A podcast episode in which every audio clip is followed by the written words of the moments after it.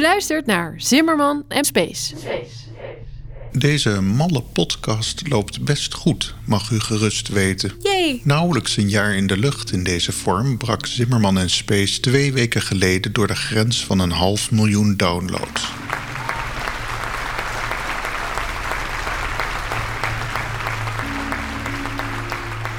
Vaste luisteraar Bob mailde mij dat ik zeer onlangs de 300ste aflevering had geüpload als we beide incarnaties van deze podcast bij elkaar optellen. In deze dan 302e aflevering zullen we, zoals meestal, dicht bij recente wetenschappelijke inzichten blijven. Oh, gelukkig. Dat kan omdat er de afgelopen weken veel astronomisch nieuws was met betrekking tot de begindagen van ons heelal.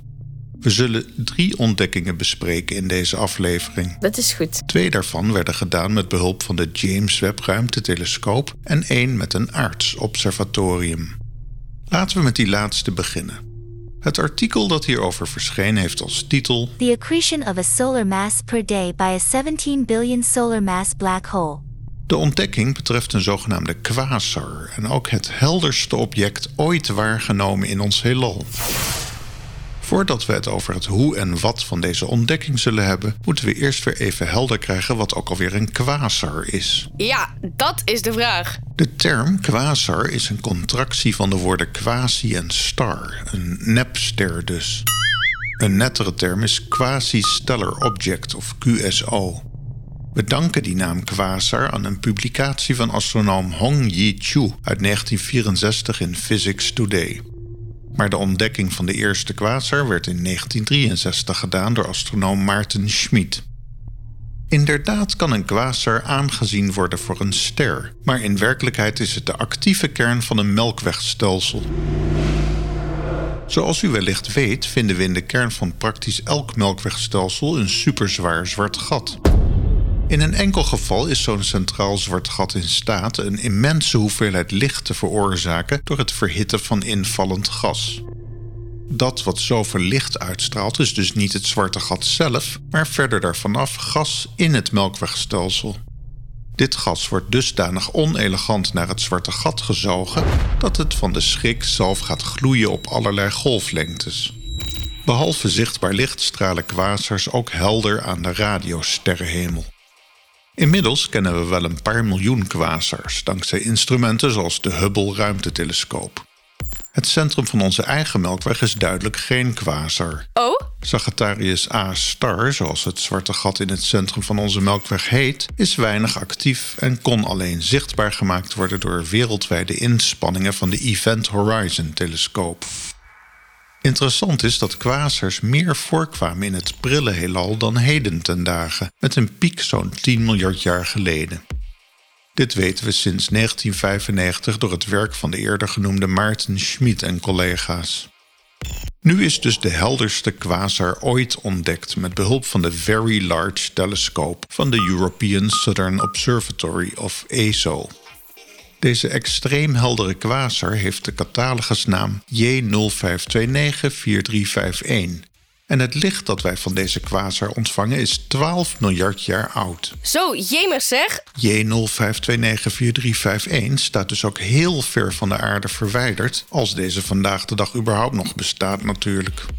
En dat is maar goed ook, want dit geval schijnt met ruim 500 biljoen keer zoveel licht als onze eigen zon. Juist deze helderheid maakte dat de quasar in eerdere waarnemingen in eerste instantie werd aangezien voor een dichterbijstaande huistuin- en keukenster. Dat roept bij u wellicht de vraag op hoe we het verschil kunnen zien tussen een ster en een quasar. Yes. Door naar het spectrum van een object te kijken kunnen astronomen zien hoe ver het van ons vandaan staat. Bekende spectrale lijnen van elementen als waterstof verschuiven richting rood naarmate het licht van een object langer naar ons onderweg is in een uitdijend heelal. De hoeveelheid licht daarentegen kunnen we rechtstreeks meten als de hoeveelheid fotonen die een sensor bereikt. Door deze twee gegevens te combineren komen we dan in sommige gevallen uit op objecten die veel te veel licht uitstralen om een ster te kunnen zijn. It's impossible. Geen enkele ster straalt 500 biljoen keer zoveel licht uit als onze zon. Die eer gaat dus naar quasar J05294351. Er is nog iets raadselachtigs aan de helderste kwasers, wat mooi aansluit bij de nieuwsberichten die we hierna zullen bespreken. De massa van het zwarte gat van quasar J05294351 wordt geschat op 19 miljard keer die van onze zon. Zo hé, wat veel! De grote vraag is hoe dit zwarte gat dit zo vroeg in de geschiedenis van ons heelal klaar heeft weten te spelen. Was daar wel genoeg tijd voor? We hebben het al eens vaker besproken, maar astronomen weten nog niet waarom er een superzwaar zwart gat bestaat in het centrum van bijna elk melkwegstelsel. Waarom? En de bijkomende vraag is dan of er eerst een zwart gat is waaromheen een melkwegstelsel ontstaat, of dat er in een melkwegstelsel in het midden uiteindelijk een superzwaar zwart gat ontstaat. Of, wat ook heel goed mogelijk is, dat beide objecten om een of andere reden co-evolueren. Maar een nieuwe waarneming met de James Webb ruimtetelescoop laat nu zien dat superzware zwarte gaten er waarschijnlijk eerst waren. Misschien zelfs al zo vroeg als 50 miljoen jaar na de oerknal. Dat kan je je toch niet voorstellen? Daarmee zouden deze zwarte gaten de katalysators kunnen zijn van stervorming. Joseph Silk, teamleider van het James Webb onderzoek en docent aan de John Hopkins Universiteit, zegt dat sterrenstelsels die met de James Webb ruimtetelescoop gezien worden, in sommige gevallen te helder zijn en dus een versnelde evolutie moeten hebben doorgemaakt. Hier spelen superzware zwarte gaten een rol bij door bijvoorbeeld gas- en stofwolken met zwaartekracht te dwingen tot sterformatie. Tot nu toe werd vaak gedacht dat superzware zwarte gaten ontstonden toen zware sterren in het begin van de geschiedenis van het heelal hun waterstof hadden opgebruikt en vergingen tot zwarte gaten. Daarna zouden deze zwarte gaten dan omliggende massa aangetrokken hebben om uiteindelijk te groeien tot hun superzware vorm. Maar nu moeten we dit model mogelijk loslaten en accepteren dat zwarte gaten er eerst waren. Het artikel van Silk en collega's verscheen in The Astrophysical Journal Letters met de titel Which came first, supermassive black holes or galaxies? Insights from JWST. Als zwarte gaten niet zijn ontstaan door het overlijden van zware sterren, hoe zijn ze dan ontstaan? Dat is de vraag. Hier kunnen we een nieuwe term introduceren, de DCBH, wat staat voor Direct Collapse Black Hole. Een dergelijk zwart gat is nooit een ster geweest, maar is ontstaan door de immense zwaartekracht die in een gaswolk kan ontstaan. In het begin van ons heelal moet er zeker veel dicht geconcentreerd gas aanwezig zijn geweest, voornamelijk in de vorm van waterstof. Het is mijns inziens wel aardig om even een stap opzij te maken. Ziet u in dat we met onze James Webb ruimtetelescoop nu eindelijk meer beginnen te begrijpen over het ontstaan van alles? Nog niet wat de oorzaak van de oerknal was, als deze überhaupt een oorzaak had natuurlijk. Maar wel wordt steeds meer duidelijk wat de beginomstandigheden van het heelal moeten zijn geweest om te komen tot het heelal wat we nu zien. Met zoveel sterren en sterrenstelsels. En zwarte gaten. Het derde artikel van deze aflevering sluit heel mooi aan bij de vorige twee. Het kreeg de titel A small and vigorous black hole in the early universe. en beschrijft de detectie van het oudst bekende zwarte gat in het centrum van het sterrenstelsel GNZ11. Dit sterrenstelsel werd onlangs ontdekt met het neerspek-instrument van de James Webb ruimtetelescoop. Het artikel verscheen eerder dit jaar in de wetenschappelijke pers. GNZ11 vinden we overigens in het sterrenbeeld de Grote Beer of Ursa Major, ook wel bekend als het steelpannetje dat we in België en Nederland op elke heldere avond goed kunnen zien.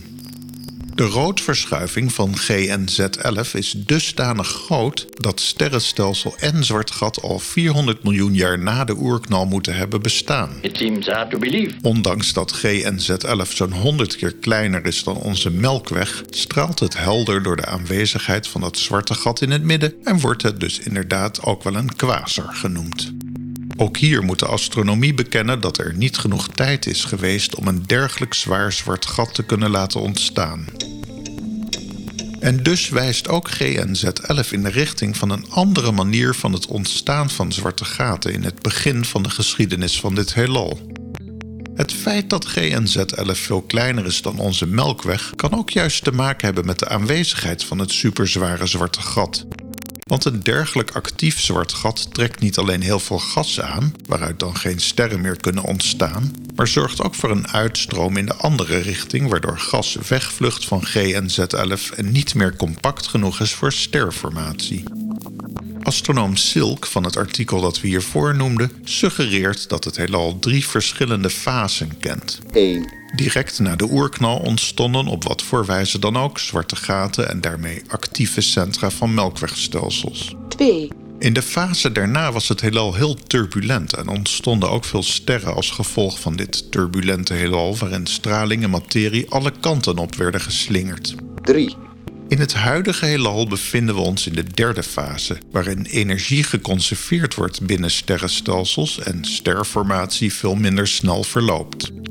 Het is goed mogelijk dat de huidige fase, waarin u nu naar deze podcast luistert, beter geschikt is voor het luisteren naar podcasts met een kopje koffie of thee dan de twee fasen daarvoor. Dit slaat toch allemaal helemaal nergens op eigenlijk.